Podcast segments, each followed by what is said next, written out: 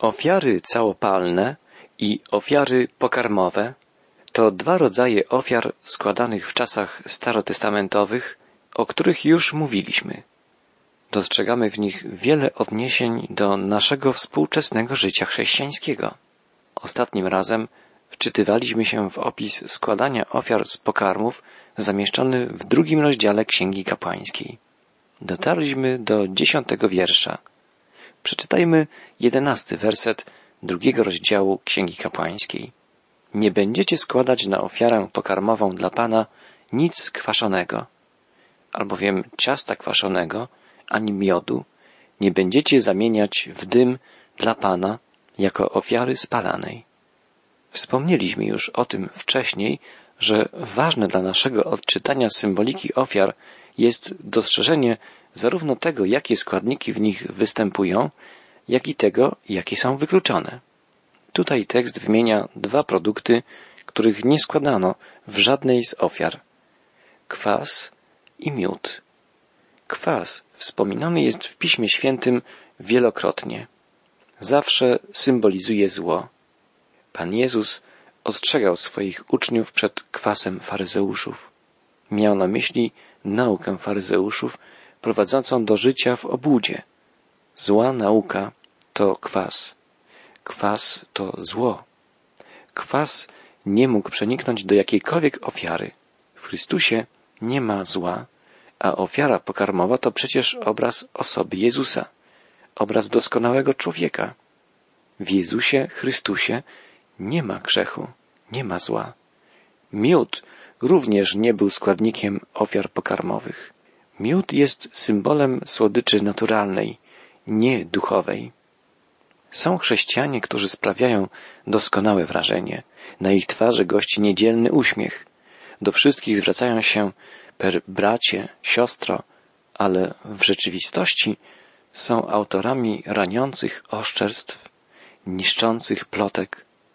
Są bardziej niebezpieczni niż zabójca posługujący się nożem. Niestety niemało jest chrześcijan, w których życiu obecny jest w przenośni miód, czyli słodycz cielesna, nieautentyczna, nieduchowa. Pan Jezus zawsze mówił prawdę, zawsze zwracał się wprost do zainteresowanego. Nie mówił nigdy za jego plecami, mówił otwarcie i szczerze. Nie było sztucznej słodyczy, słodyczy miodu, mówiąc obrazowo, w jego słowach i w jego czynach. Nie było także kwasu w jego nauczaniu, ani w nim samym. Czytamy dalej w wierszu dwunastym drugiego rozdziału Księgi Kapłańskiej. Przyniesiecie te rzeczy jako dar pierwocin, ale nie będziecie ich kłaść na ołtarzu, aby się zamieniły w miłą woń. Można było złożyć dar z zakwaszonego ciasta lub z miodu, tak jak z każdego innego produktu rolnego, jako dar pierwocin. Nie można było ich jednak składać na ołtarzu jako ofiary mającej stać się miłą wonią dla Pana. Mogły być składane tylko jako dar pierwocin, a więc dar pierwszych plonów, dar obfitości pierwszych żniw. Dalej czytamy w wierszu trzynastym. Każdy dar należący do ofiary pokarmowej ma być posolony. Niech nie brakuje soli przymierza Boga Twego przy żadnej ofierze pokarmowej. Każdy dar posypiesz solą. Sól była finalnym składnikiem dodawanym do ofiar pokarmowych. Sól jest symbolem przymierza. Sól zachowuje, powstrzymuje przed rozpadem, przed zepsuciem. Sól symbolizuje nierozerwalność, trwałość przymierza pomiędzy Bogiem a składającym ofiarę. W rzeczywistości gwarantem tego przymierza jest Jezus Chrystus. To jest ten, który zwany jest wiernym i prawdziwym, jak czytamy w Księdze Apokalipsy i w wielu innych księgach Nowego i Starego Testamentu. Chrystus jest wierny, bo na nim opiera się wszystko. Wszystko dzieje się dzięki Niemu i poprzez Niego. Chrystus złożył Bogu Ojcu w ofierze samego siebie. My również, dzięki Jego miłosierdziu, możemy złożyć w ofierze siebie Bogu. Powinniśmy okazać się wiernymi, powinniśmy być solą świata. Będzie tak, gdy składać będziemy siebie jako żywe ofiary. W liście do Rzymian w dwunastym rozdziale, pierwszym i drugim wierszu czytamy, abyśmy byli żywymi ofiarami, byśmy składali ciała swoje jako ofiarę żywą, świętą, miłą Bogu i przemieniali się przez odnawianie umysłu, abyśmy umieli rozpoznać, jaka jest wola Boża, co jest dobre, co jest Bogu przyjemne i doskonałe. W końcowym fragmencie drugiego rozdziału Księgi Kapłańskiej od 14 do 16 wiersza czytamy Jeżeli chcesz złożyć jako dar spalany dla Pana ofiarę pokarmową z pierwocin, to będą nią kłosy prażone na ogniu albo kasza z nowego zboża, jako ofiara pokarmowa z pierwocin. Polejesz ją oliwą i położysz na niej kadzidło. To jest ofiara z pokarmów. Kapłan zamieni w dym pamiątkę z kaszy i oliwy wraz z całym kadzidłem jako ofiarę spalaną dla Pana. Ofiary z pierwocin, czyli z nowych produktów rolnych, należały do grupy ofiar pokarmowych, a składane były głównie podczas świąt pierwocin w czasie żniw. Więcej na ten temat dowiemy się, gdy będziemy studiować 23 rozdział Księgi Kapłańskiej, rozdział, który opisuje święta obchodzone przez Izraelitów. Podobnie jak w przypadku ofiar całopalnych, tak i odnośnie ofiar pokarmowych, dalsze przepisy regulujące ich składanie zawarte są w szóstym rozdziale Księgi Kapłańskiej. Tu wspomnijmy tylko, że były one składane również rano i wieczorem, tak jak ofiary całopalne. Dzisiaj rozpoczniemy już lekturę trzeciego rozdziału Księgi Kapłańskiej. Znajdziemy tu opis trzeciej grupy ofiar składanych przez Izraelitów. Ofiary biesiadne. Zwane są one również ofiarami pokoju lub ofiarami pojednania. Ofiary biesiadne oznaczają przyjaźń i zgodę między Bogiem a ludźmi. Mówią o możliwości trwania w bliskiej więzi z Bogiem, w społeczności z Nim, dzięki wierze w Zbawiciela, Jezusa Chrystusa. Wskazują, że jedyna droga do Boga wiedzie poprzez Chrystusa. Tylko On jest drogą do Ojca. Pamiętamy, że trzy pierwsze rodzaje ofiar, ofiary całopalne, ofiary pokarmowe i właśnie ofiary biesiadne, obrazowo wskazują nam postać Chrystusa. Tak jak cztery Ewangelie opisują życie Jezusa, podkreślając różne jego aspekty, warstwy, tak trzy pierwsze rozdziały Księgi Kapłańskiej rysują obraz Jezusa, akcentując różne atrybuty jego osoby, uzupełniając się, podobnie jak relacje ewangelistów. Zauważamy, podobnie jak w Ewangeliach, pewne podobieństwa pomiędzy ofiarami całopalnymi i biesiadnymi, ale dostrzegamy też wyraźne różnice i unikalne treści każdej z tych ofiar. Przypomnijmy, że ofiary całopalne wskazywały na Chrystusa jako tego, który zmarł za nas zastępczą śmiercią, a ofiary pokarmowe rysowały obraz cudowności, piękna osoby Jezusa, jako doskonałego człowieka. Ofiary biesiadne wskazują na Jezusa jako na tego, który jest naszym pokojem.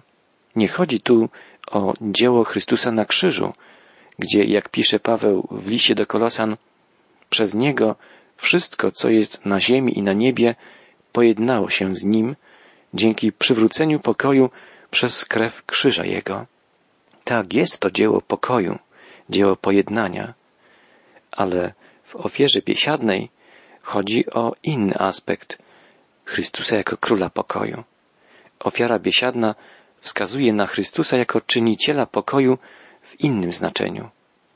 Jezus jest tu ukazany symbolicznie jako ten, który wprowadza wszystkich wierzących w społeczność z Bogiem Ojcem, tak jak czytamy w liście apostoła Pawła do Efezjan w drugim rozdziale od wiersza trzynastego.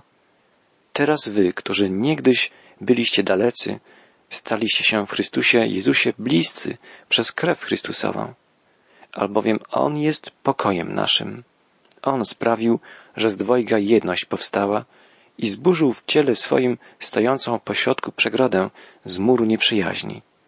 On zniósł zakon przykazań i przepisów, aby czyniąc pokój, stworzyć w sobie samym z dwóch jednego nowego człowieka i pojednać obydwu z Bogiem w jednym ciele przez krzyż, zniweczywszy na nim nieprzyjaźń i przyszedłszy zwiastował pokój wam, którzyście daleko i pokój tym, którzy są blisko, albowiem przez Niego mamy dostęp do Ojca, jedni i drudzy w jednym duchu.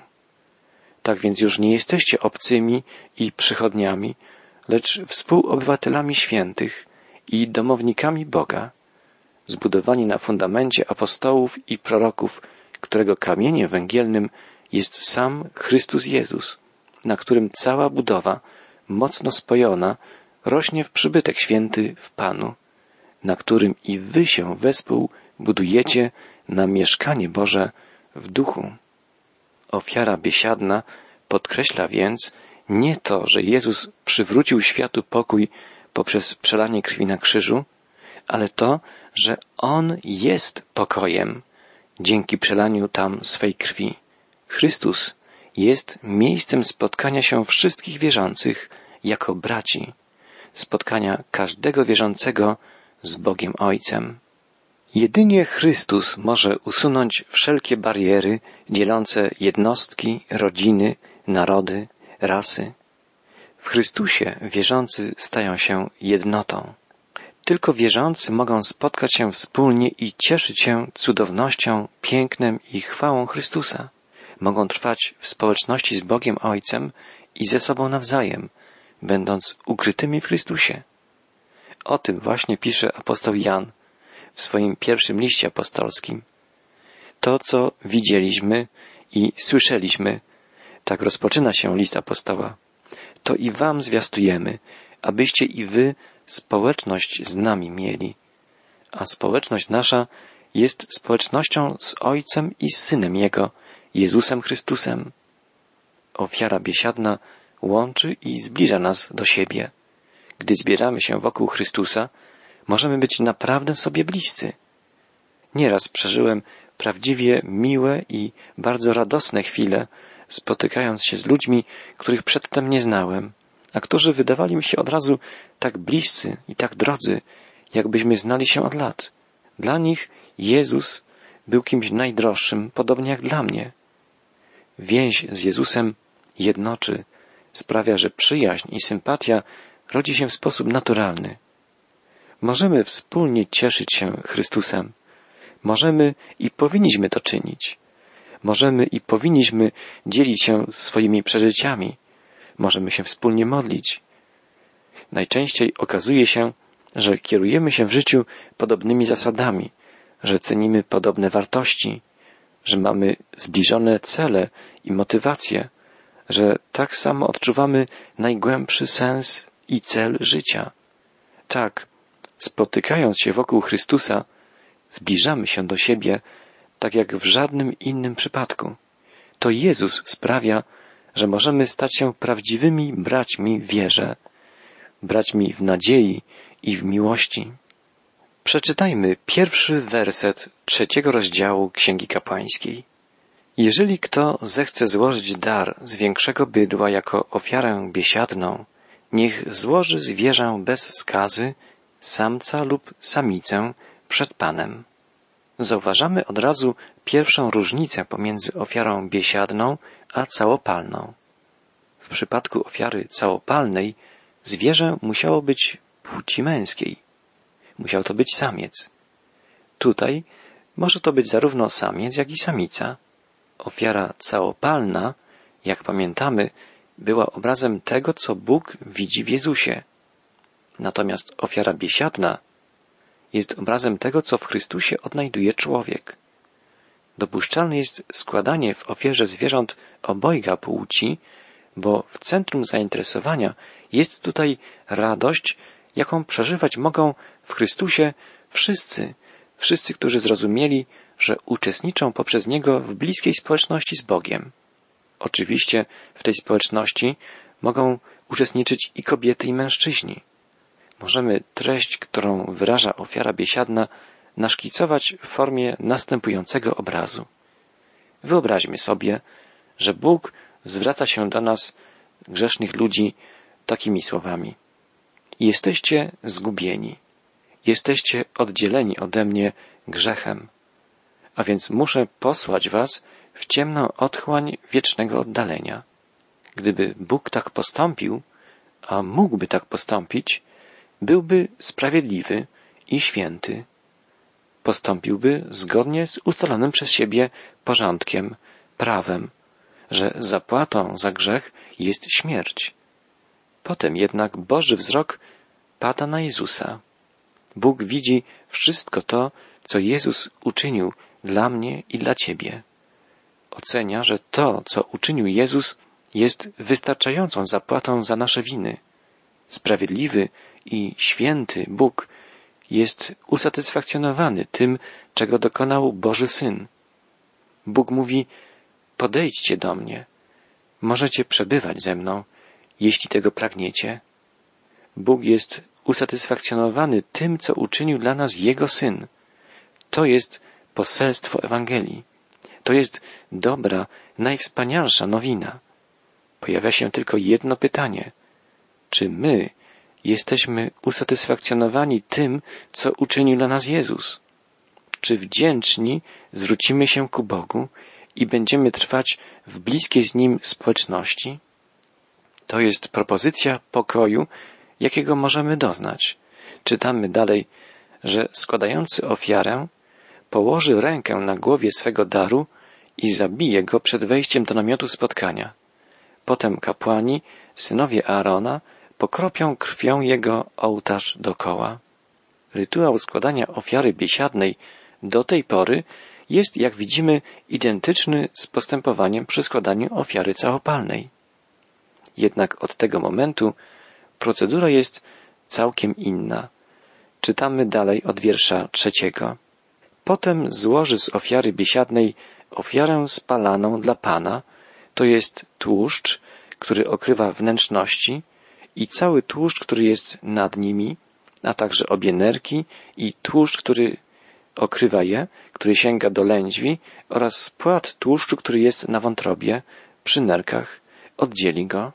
Synowie Arona zamienią to w dym na ołtarzu, na ofierze całopalnej, która jest na drwach na ogniu. To jest ofiara spalana, miła woń dla Pana. Podczas składania ofiary całopalnej zwierzę, jak pamiętamy, było ćwiartowane i złożone na ołtarzu w całości. Ofiara biesiadna to tylko część zwierzęcia. Spalane są właściwie tylko wnętrzności i tłuszcz. Reszta nie wchodzi w skład ofiary. Zwierzę dorodne, okazałe, miało wiele tłuszczu. Tłuszcz jest tu symbolem obfitości i bogactwa. W Chrystusie ukryte są wszelkie bogactwa duchowe. My nie jesteśmy w stanie ich w pełni dostrzec i zrozumieć. Jedynie Bóg Ojciec zna swojego Syna i widzi całe bogactwo Jego osobowości. Bóg widzi w Chrystusie o wiele więcej niż możemy dostrzec Ty i ja. Ale powinniśmy przez całe życie dążyć do lepszego poznania Jezusa. Jak mówi znana pieśń, z dnia na dzień o rzeczy trzy ja proszę Cię, by jaśniej Cię widzieć, by mocniej Cię kochać, lepiej naśladować z dnia na dzień.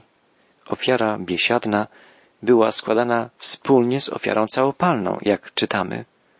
Ofiarą, która znajdowała się już na drwach na ołtarzu. Spalano je razem i wtedy stawały się miłą wonią dla Pana. Znamy to wyrażenie. Oznacza to, że razem ofiary te tworzyły wspaniały, pełny obraz chwały Chrystusa. Pomódlmy się. Boże, dziękujemy Ci, że dajesz nam się poznać. Wzmocnij naszą wiarę. Otwórz nasze duchowe oczy, żebyśmy dostrzegli Twoją chwałę.